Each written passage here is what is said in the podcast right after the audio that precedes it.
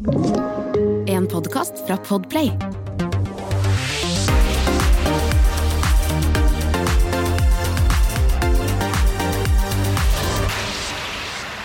Velkommen til podkast med Tone Lise. Hun er født i eh, Telemark. Hun er eh, nordisk mester i folkemusikk. Hun har rukket å gi ut seks album i løpet av hennes eh, 31 år. Og hun er også hele Norges Ingebjørg. Velkommen, Ingebjørg Bratland. Wow, tusen takk. Syns det var fin introduksjon. Ja, det var, det var veldig fin introduksjon. Kjente du deg igjen i den? Jeg likte best eh, hei, eh, liksom Hele at det var hele Norge Ja, det likte jeg. For at du er liksom hele Norges sissel. Ja. Og målet mitt er på en måte å komme slå henne. Ja, slå henne. Ja. Så det er veldig bra at du legger opp til det. Da er vi godt på vei der. Du er jo i disse dager aktuell med ny musikk, det skal vi komme tilbake til. Eh, men eh, jeg vil egentlig først at du skal ta oss tilbake til Vinje i, eh, i Telemark. Ja. Det var jo der det hele startet. Ja. Fem år var det vel når du startet med kveding? Ja, det er helt riktig. Eh, fem år i barnehagen. Det var rett og slett så, sånn at eh, mor til Odd Nordstoga, hun heter Ellen Nordstoga, og hun var rundt i barnehager i Vinje i Telemark og hadde sangstund. Og etter en sånn runde så kom iallfall jeg hjem fra barnehagen og slutta ikke å synge, så jeg tror mor mi holdt på å bli gal. Så da ringte hun til Ellen og spurte om eh, hun kanskje kunne ta turen i, eh, ned til meg i barnehagen en gang i uka og synge litt. Og det eh, ville hun veldig gjerne, så da begynte de å synge, ha sånn sangstund i, i barnehagen. Og så, eh, ja, så hadde jeg min første betalte spillejobb. Da var jeg seks år, og det var her i Oslo. Ja. Og da gjorde du Var dette sammen med Det var sammen med Ellen, ja. Det var 500 kroner, som var hyra mi i fryktelig mange år, eh, og bunad, og synge da et aldri så lite stev. Ja. Hvordan høres kveding ut? Er det det samme som stev? Ja, det, kveing er på en måte eh, sang Eller det er måten å synge på i folkemusikksjangeren, da, på en måte. Så det som eh, kjennetegner kveing, det er at du synger på konsonanter. Altså kor er jo veldig ofte at du synger på vokalene. Uh, og altså er det denne her ornamentikken av disse her trillene, som er jo liksom store popsangerinner, driver jo med slik wailing. Så krulling, det er på en måte folkemusikkens wailing, kan du si. Ja. Men hvordan, hvordan ble på en måte her liksom miksen av dette og popmusikk? Ja. Nei, det er jo det rett og slett så enkelt at jeg øh, hører ikke så veldig mye på folkemusikk, og det gjorde ikke som liten heller. Det var liksom popmusikk. Um, så det var, er på en måte den sjangeren jeg øh, hører mest på. Og når jeg skulle prøve meg på å skrive egne ting, så var det med en gitar, og da blir det fort popmusikk, da. Um, og så tror jeg på en måte at jeg hadde litt lyst til å nå ut til et litt breiere publikum. Og da blir jo det der å stande helt mutters uh, aleine på en scene og bare bruke stemma, blir jo litt smalt. Ja, du når ikke kanskje like bredt ut? Nei, det gjør du ikke. Uh, og så er jeg veldig glad i å skrive musikk, og de låtene, det er jo ikke Det er jo ikke folkemusikk, akkurat. Det er det ikke. Men dette, dette møtet da med Ellen Nordstoga, det var vel kanskje også da øh, oppløpet mot det å, å jobbe med Odd Nordstoga? Ja, eh, jeg var skikkelig fan av Odd. Jeg, eh, jeg tror jeg var sju år gammel. Da hørte jeg for første gang han eh, med bandet hans som heter Something Odd. Og det var en låt på radio som jeg bare syntes var helt eh, fantastisk. Så jeg husker at jeg sa til mora vi må få tak i den CD-en til Something Odd. Eh, og jeg tvang hun til å kjøre meg opp på den lokale platesjappa i, i Vinje. Og den lokale platesjappa, det var jo da Esso. Uh, men det som var, det var at jeg hadde ikke den Something Odd-CD-en inne, inne på Esso. Så da reiste jeg hjem og satte meg ned, og så skrev jeg et, et brev som jeg sendte til Odd, eh, via mor hans, da, Ellen. Og det brevet, det, eh, det kan jeg faktisk utenat, for det har Odd ramma inn og hengt opp på kontoret sitt, så jeg ser det stadig vekk. Ja, det, det brevet, det gikk eh, cirka slik her. Til Odd. De er tomme for sæden din på ESO. Kan vi få kaupe dem av deg? Ja. Og da var den solgt, eller? Ja, jeg fikk iallfall svar. Heldigvis var CD-plate. Jeg fikk i retur. Veldig glad for det. Ikke noe annet. Ja, så da var det på en måte Da ballen begynte å rulle, da. Da var han iallfall klar over meg. Eh, så eh, når han var i Vinje, hvis han holdt en konsert eller et eller annet, så satt jo jeg som regel på første rad. Var skikk, eh, skikkelig fan.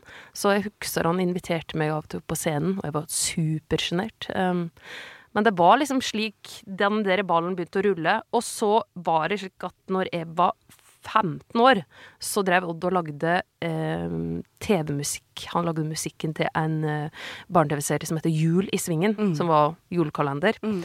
Og eh, da spurte han om jeg kunne ta skolebussen ned, for han var på gården hjemme hos mor si. Og så synge en duett med han, som skulle på den Jul i svingen-plata. Og så gjorde jeg det, og så når de hadde gjort det, så sa han du, hm, jeg hever òg en låt som er tittelsporet. Eh, det er på bokmål, da, men kanskje kunne du tenkt deg å prøve? Og så gjorde jeg det. Og så blei det jo slik. Så den Jul i svingen, den, liksom, den henger fortsatt veldig ved meg. Men eh, det var liksom første samarbeidet, da. Ja, ikke sant. Hvordan var det å jobbe med han da, når du på en måte har vært veldig fan av han, og så skal du plutselig jobbe med han? Var Ja, når rett, jeg var 15 år, så var det øh, tøft. Ja, det kan jeg tenke meg. Det var litt øh, høye skuldre, øh, og litt slik stotring. Um, jeg, jeg hadde jo liksom Altså, pikerommet mitt, det var slik at alle andre hadde Spice Girls og Backstreet Boys og i det hele tatt ikke eh, Brad Pitt, mens jeg hadde da Hver gang Odd var i lokalavisa, så var det bare å klippe ut og klistre avisutklipp på veggen. Og når det kom eh, besøk, venn- klassevenninner, så var det litt flaut, så da hang vi over da, Spice Girls og Brad Pitt, liksom. Skjulte Odd. Det er veldig bra.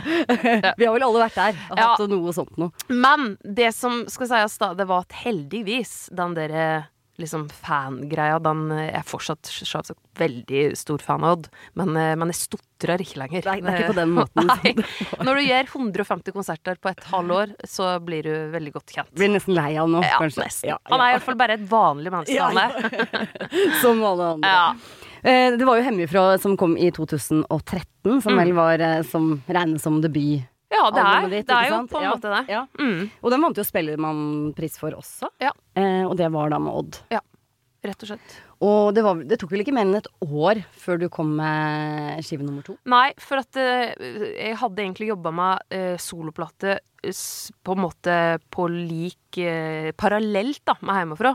Men så var det slik at eh, Odd spurte om jeg ville ta turen ut til han eh, på Lambertseter. Og så spilte jeg et par folketoner med gitar, som hadde liksom arrangert litt. Og så sa han 'Men Ingebjørg, det er jo dette du må gjøre først'. og så tenkte jeg ja, ja, det er jo logisk å starte med starten. Så derfor så lå den andre plata der veldig klar. Så Ja, derfor okay. kunne jeg Det var derfor den kom såpass fort. Ja. Mm. Du, jeg tenkte vi skulle høre litt grann eh, fra den.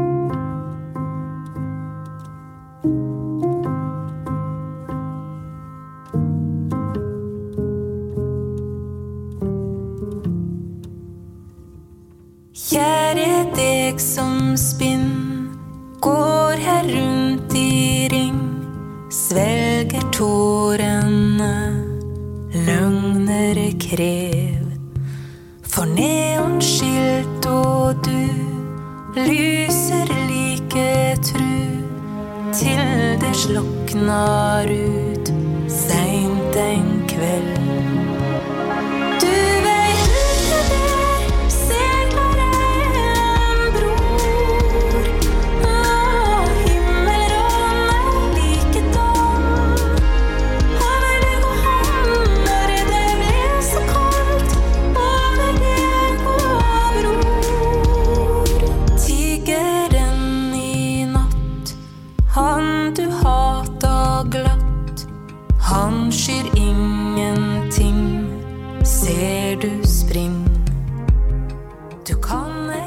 Så fint dette her, Ingebjørg. Dette var jo da Bror, som er fra Hjerteskjell, som kom i, i 2017. Ja. Og er vel litt uh, inspirert av at uh, du uh, har ganske mange brødre. Ja, jeg, hever, jeg er eldst av fem. Um, og så var det slik at når jeg og søsteren min, altså jeg var fire år og hun var tre år, så sto det annonse i lokalavisa der det sto at det var to brødre som trong en ny heim. Og heldigvis, da, for meg og veslesøsteren min, så hadde mor og far de hadde både plass og lyst og tid til, til flere unger. Så de sa de der to brødrene, de tar med, og det er jo veldig eh, takknemlig og glad for, for slik så fikk jo jeg og søsteren min to helt eh, flunka nye brødre på null komma niks.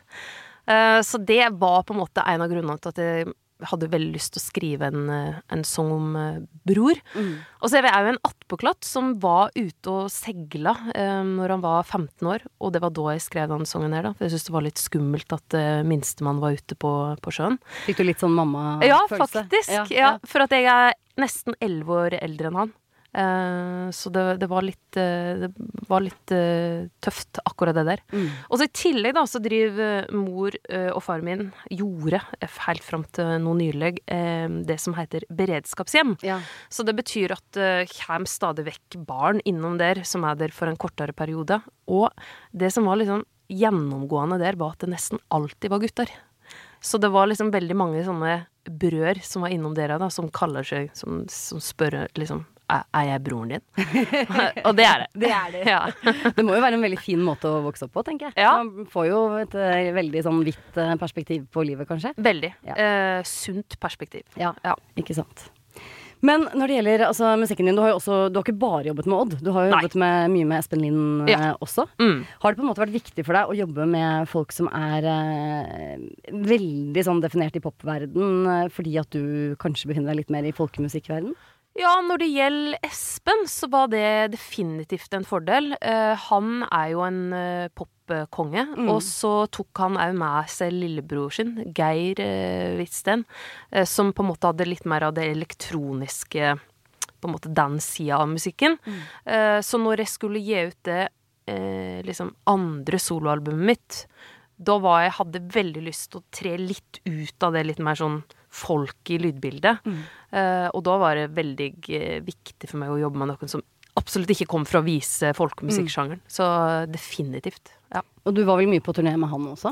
Ja, jeg var der for at vi gjorde noe så merkelig som å gi ut ei salmeplate. Ja, det, vet du hva, det, det har jeg faktisk Jeg må innrømme at det var liksom litt sånn overraskende for meg. Ja, det skjønner jeg. Eh, men det som var, var at når jeg var 21, eh, 2011, så, eh, så var det slik at vi hadde samme manager, og han heter Bjørn eh, Mm. Og han eh, merka at Espen på en måte var litt Kanskje litt sånn mett av eh, New York og drive og skrive for store stjerner, for det er jo veldig business. Mm. Mm.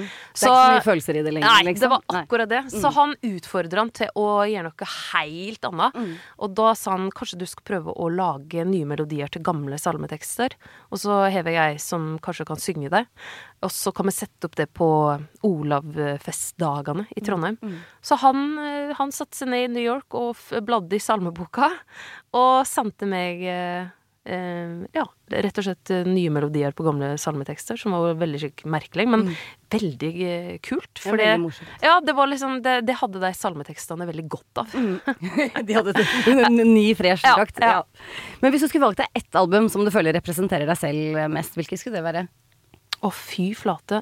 Eh, det er veldig, veldig vanskelig, men det blir jo veldig ofte at den det må, jeg må kanskje si det albumet som heter Månesin, da, som var det andre soloalbumet mitt. Og det er fordi at det eh, Det var liksom Da gjorde karrieren min et byks. Da plutselig så kunne jeg liksom reise rundt og fylle kulturhus helt alene. eh, og spille på større festivaler.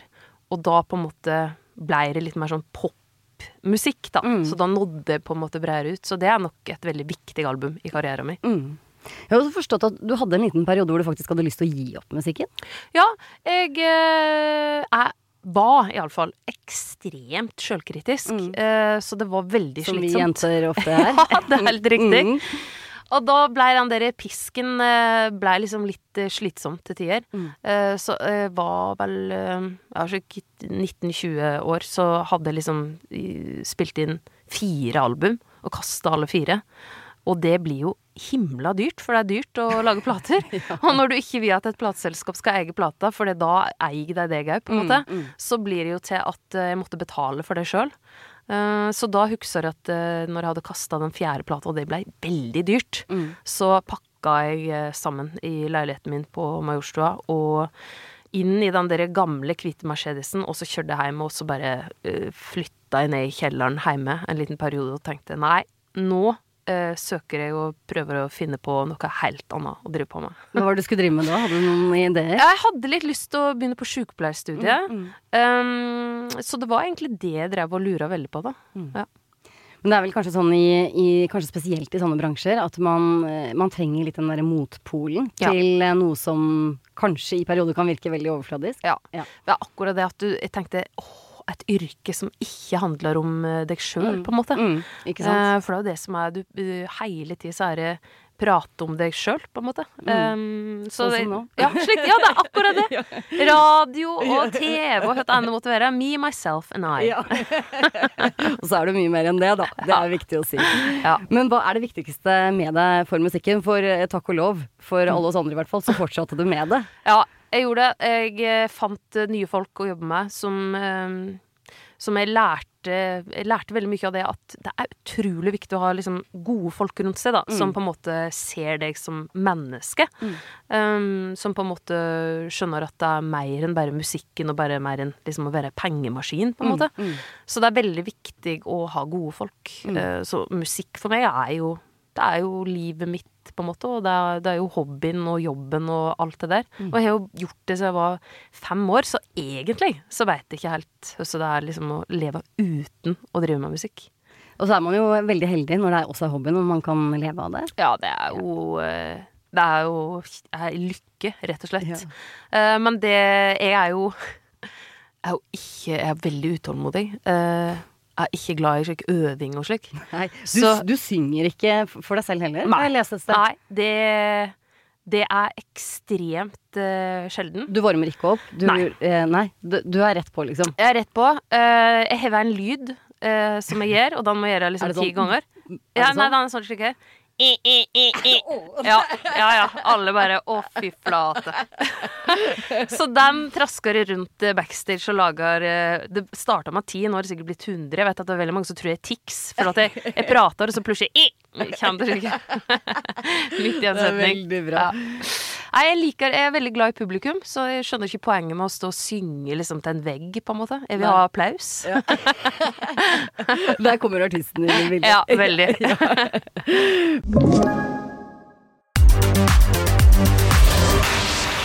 Jeg, jeg syns selv, og jeg har hørt mange sammenligne med Alison Krauss, for eksempel. Det er jo ikke noen Mm. dårlig sammenligning, det. Det er ikke dårlig. Det er et kjempekompliment, eh, virkelig. Og det handler eh, sikkert om at det er den der litt måte, soft måten å synge på. Og så er jo hun er jo liksom country eh, bluegrass, på en måte. Um, og det er jo uh, Amerikas folkemusikk, da, på en måte. Så jeg tror det er derfor. Ja. Men hva er det som inspirerer deg mest som artist, da? Det er vel eh, bøker, filmer, eh, andre artister, historier, på en måte, som eh, og, og ikke minst publikummet mitt, da, som, som på en måte inspirerer til å, å fortsette, da. Eh, ja, der er, Anna er veldig dårlig på ros og skryt og slikt. Det går liksom inn øret, og så går det veldig fort ut igjen. Men det er jo likevel det. Det hadde ikke liksom vært så veldig artig hvis det ikke var noen som venta på en konsert eller hadde lyst til å sjekke ut den nye musikken din. Ja, det forstår jeg veldig godt. Du var jo også med i De Din neste på Ja. NRK1. Mm. Eh, noe som eh, vel førte med seg noen nye bekjentskaper. Ja, det gjorde det. Eh, og nye bekjentskap, det er jo alltid veldig kjekt, særlig i musikkverden. Eh, det er jo slik at jeg Det er veldig mange artister som har lyst til å samarbeide med hverandre, og eh, jeg er jo veldig heldig, så får jeg av og til spørsmål om jeg har lyst til å bli med på ting. Så er jo jeg egentlig et veldig sånn nei-menneske på veldig mye. Men eh, når jeg liksom, hvis jeg hører en låt, får tilsendt en låt som jeg bare virkelig syns er veldig bra, og kanskje kjenner litt til artisten, så er det litt lett. Da, da blir du Jan Ja. Istedenfor. ja. Så jeg, hadde, jeg har jo gjort Odd, eh, og så har jeg gjort eh, en låt med Åge Aleksandersen og Lars Vaular. Og så blei jeg jo da kjent med to nye karer på de neste, og det var jo Sebastian Zalo. Um, og han eh, sendte meg rett og slett en DM, som det heter, eh, på Instagram. Der han eh, lurte på om jeg hadde lyst til å sjekke ut en låt han eh, drev og skrev. Som eh, han mente da at hadde vært veldig kult hvis jeg ble med på. Og dette var i begynnelsen av mai, så da var vi jo ferdig med de neste. Eh, men jeg sjekka ut låten og syntes den var skikkelig fin. Så jeg sa vet du, det kan vi godt prøve på. Så da satte jeg meg ned på hytta 17. mai, og så skrev jeg fullførte jeg det han hadde begynt på, da. Ja. Og så eh, jeg har jo alltid vært yngst. Jeg har alltid jobba med folk som er mye eldre. Det snur på et tidspunkt. Ja, det snur! Ah! det så ja, det var, veld, det, var liksom, det var litt vondt, men da reiste studio med Sebastian og eh, de to han skriver og produserer med, som heter August og Benjamin, og det var liksom Altså, jeg kjørte opp der, eh, kom til et eh, lite, hvitt hus og en hage, og det var da bestemora til han Benjamin sitt hus. og så hadde de liksom satt opp et heimestudio da, i kjelleren der, og de tre gutta der satt liksom i glasskarmen og røyka, og det var liksom Fy fader, jeg følte meg skikkelig gammel tante. Eh, Man har jo godt av å kjenne på det nå, da. ja, virkelig. Ja. Så det var skikkelig moro å jobbe med unge, lovende liksom fulle av liksom eh, gnist og lyst og i det hele tatt. da. Skikkelig skikkelig arbeidsmoral. Mm.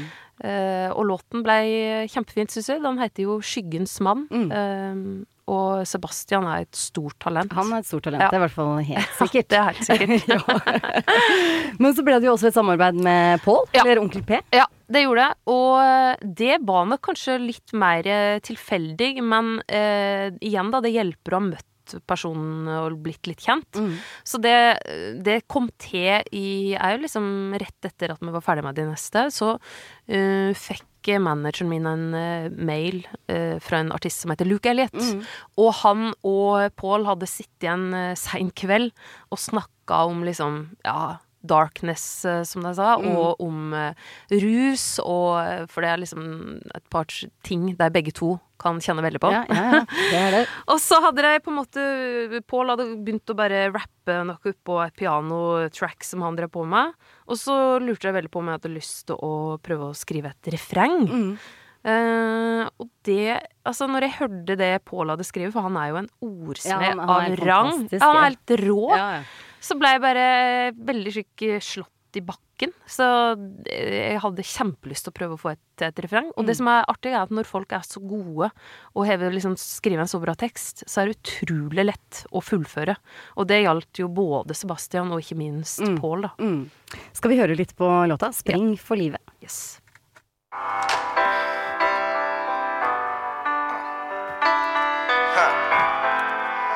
Alltid. Trøbbel. Shit, jeg står i trøbbel, alltid knedypt. Ikke se hit, ingen hjemme her skulle tro jeg var på ferie. Timeglasset mitt, jeg trodde det var mer. Kjørte løpet mitt på alle, trodde de var enig. Hår i rennestein, se på det som trening. Stirrer i det evige og se om det gir mening. Om du ser meg, kan du ta med deg noe rødvin. Kommer jeg til himmelen, kan jeg ha med meg noe revin. En jævla battle internt mellom helt for jævlig eller ikke så gærent. Eller være ærlig eller skippe noe facts. Er det, er det for kunsten eller er det for lags? Eller er jeg på saken eller er jeg for sein?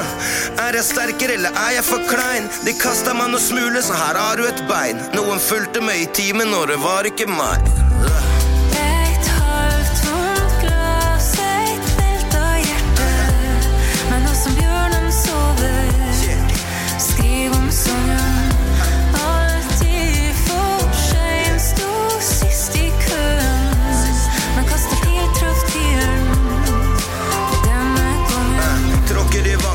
Som allting er på stedet vi. Er redusert til bare gjøgler for Hvordan har dette samarbeidet vært eh, for deg, Ingebjørg? Dette er jo en litt annen eh, musikksjanger enn det du har beveget deg i eh, tidligere. Ja, det er det. Um, jeg var jo, hadde vært så vidt borti rap før eh, ved at Lars Vaular kasta seg på en låt jeg hadde skrevet. Men det var på en måte Jeg hadde gjort en låt, og så ble blei bare Lars som på en måte inviterte seg med. meg. Så dette var helt annerledes. Og eh, han Luke er jo en amerikaner. eh, og han er skikkelig amerikansk. eh, og jeg er skikkelig fra Vinje. Det kan kanskje krasje litt Ja, vannet, eller? ja, for han er litt mer store ord, og det er huge og awesome hele tida. Ja. Eh, mens jeg er litt mer eh, kanskje Han er ikke sjølkritisk, jeg er veldig sjølkritisk. Så for meg og Pål så var det litt skikk eh, utfordrende å ha en fyr som var så store ord-mann. Mm. men men, men det vi endte opp med å få det til til slutt, da. Men det var mange, det var mange runder på den låten her. Og så, han snakker heller ikke norsk, så han skjønner ikke helt hva vi synger om, på en måte. Så, Det blir ikke like dypt for han. eh. Nei. Nei. Men du, hvordan har siste året vært for deg, egentlig? Med korona og alt mulig sånn eh, artistmessig, så har jo det vært en utfordring. eh. Ja. Ja. Det som var for min del, var at uh, rett før korona så rakk jeg akkurat å bli ferdig med en turné, med, for jeg hadde akkurat gitt ut uh, mitt siste soloalbum. Mm. Og så uh, kom korona, og da skulle jeg ha det litt stille, men jeg hadde ganske mye på agendaen den sommeren, da. Mm. Men det som er med Altså, Norge er jo helt unikt på det der med festivaler. Det er jo Det finnes jo ikke en krik eller en krok i det landet her som ikke skal arrangere festival. Og da er jeg jo veldig god på å ha det ute. Det er jo når du skal pakke til festivalsesong i sommer, da må du kle deg og Mm. pakke for alle fire årstider. Så det blei jo satt opp ganske mye, og jeg er jo veldig heldig at jeg kan jo spille for 200 som sitt. Det er Mm. ikke noe problem. Eh, Så, og jeg kan spille med egentlig ganske få, som jeg var bare en trio. Mm. Som jeg gjorde ganske mange jobber i fjor sommer. Og så skulle jeg da gi ut uh, mitt første liksom, jule, en jule-EP, da. Det er veldig mange som tror at jeg er slik julestjerne. Mm. Ja, men det er vel fordi du har gjort så mye julekonserter og sånn, tror du ikke Nei, det? men jeg har ikke gjort det. Har du ikke det? Nei, ikke sånn. Jeg har samme Å, inntrykk. Yes, Ja. jeg vet. Det som var, det var at jeg gjorde en julekonsert for NRK1 i 2014, og den ble sett av slik 1,7 Det millioner. er helt vanvittig Ja. tall. Ja. Så det gjorde at alle tenkte bare at jeg var jul. Eh, Men jeg har aldri vært på juleturné før. Da er det på tide, da. Ja, Så da tenkte jeg yes, nå, nå skjer det, liksom. Nå skal jeg, eh, nå skal jeg ut og kose meg med pepperkaker og gløgg, Ja, ja, liksom.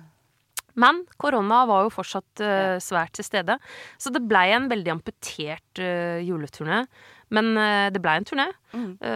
Det er bare at jeg må ærlig innrømme at jeg, jeg syns det er litt eh, tøft å synge for liksom 200 Mm. publikummere i en sal som tar eh, 1600. Det føles veldig naken. Ja, veldig. Og Ja. folk blir veldig bevisst eh, på seg sjøl, på en Mm, måte. mm. Så det blir skikkelig rar stemning. Men det var stas, og det er jo alltid veldig kjekt. Jeg er veldig glad i å være på turné Mm. med liksom folka mine. Mm.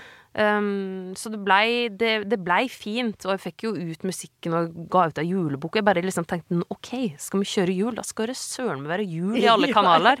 Du får prøve igjen i år, da. Nei, eh, for da, er jeg så redd da for å bli slik julestjerne. Ja, så så ja. i år kan jeg ikke ut på juleturné. Og så skal jeg gjøre ei forestilling på Chat Noir Ah, i slutten av januar. Ja. Så jeg sparer julegreiene til en senere anledning.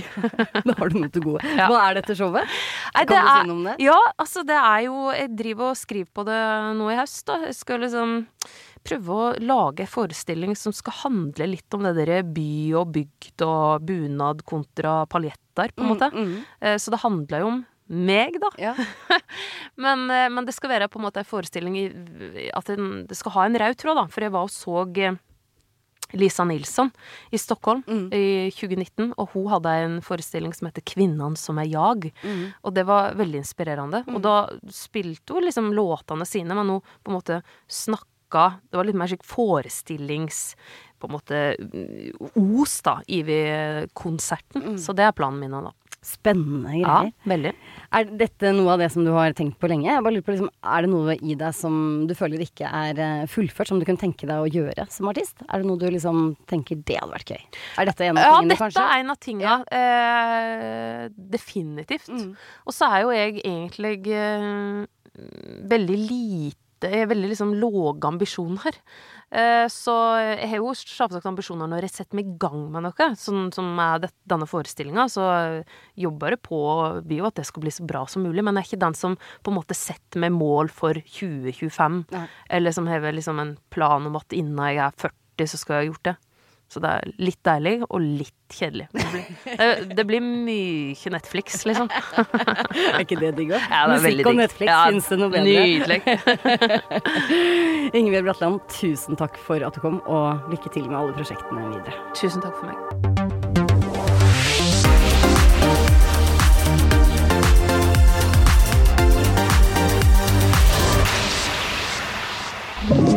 Du har hørt en podkast fra Podplay.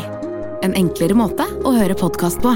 Last ned appen Podplay, eller se podplay.no.